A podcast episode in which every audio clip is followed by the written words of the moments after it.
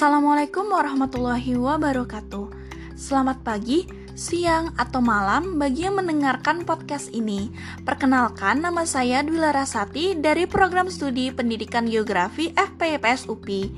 Pada kesempatan kali ini, saya akan berbincang mengenai heterogenitas yang ada pada masyarakat Indonesia.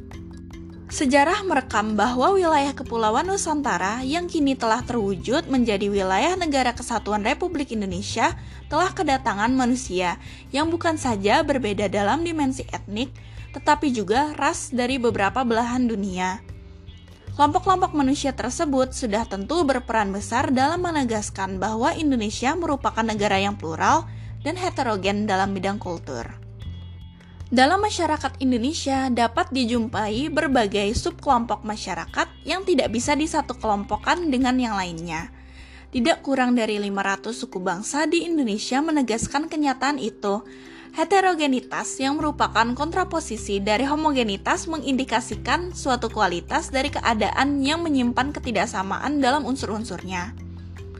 Yang berarti, masing-masing subkelompok masyarakat beserta kebudayaannya benar-benar berbeda satu dengan yang lainnya. Secara struktur masyarakat, masyarakat Indonesia ditandai oleh dua ciri yang bersifat unik, yaitu yang pertama secara horizontal, yang ditandai oleh kenyataan adanya kesatuan-kesatuan sosial berdasarkan perbedaan-perbedaan kedaerahan, dan yang kedua, secara vertikal, struktur masyarakat Indonesia ditandai oleh adanya perbedaan-perbedaan vertikal antar lapisan atas dan lapisan bawah yang cukup tajam. Terdapat perbedaan-perbedaan dalam masyarakat di Indonesia yang dilihat dari kategori tersebut. Di antaranya adalah perbedaan suku bangsa, agama, adat istiadat, dan kedaerahan. Secara vertikal, perbedaan dapat dilihat dari tingkatan-tingkatan sosial, misalkan tingkatan kekayaan dan status sosial. Dari keanekaragaman etnis tentunya akan menimbulkan sejumlah persoalan yang serius dan secara potensial mudah terpecah.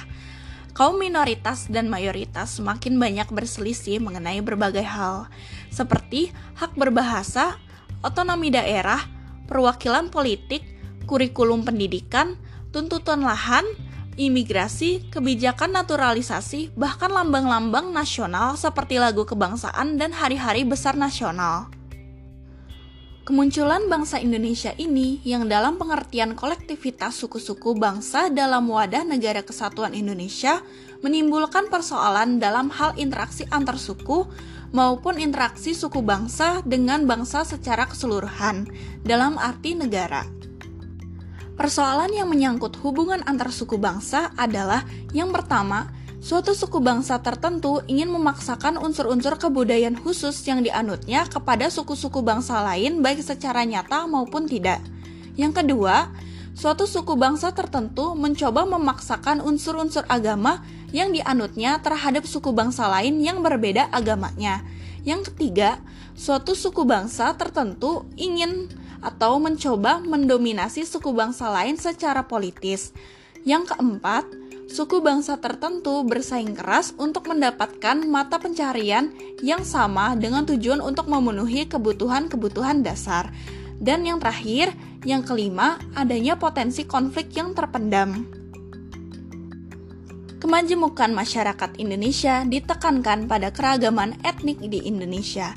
Loyalitas masyarakat Indonesia terwujud dalam loyalitas etnik dan loyalitas nasional. Keduanya dapat saling melengkapi. Dalam masyarakat majemuk yang multi etnik diakui mudah terjadi konflik, namun dapat diupayakan pencegahannya dengan memperkuat pengembangan kebudayaan nasional yang sumber-sumbernya dapat diambil dari budaya lokal dan peningkatan kesejahteraan bagi seluruh masyarakat. Terima kasih bagi yang telah mendengarkan podcast ini. Semoga materi yang disampaikan dalam podcast ini bisa bermanfaat dan menambah wawasan. Wassalamualaikum warahmatullahi wabarakatuh.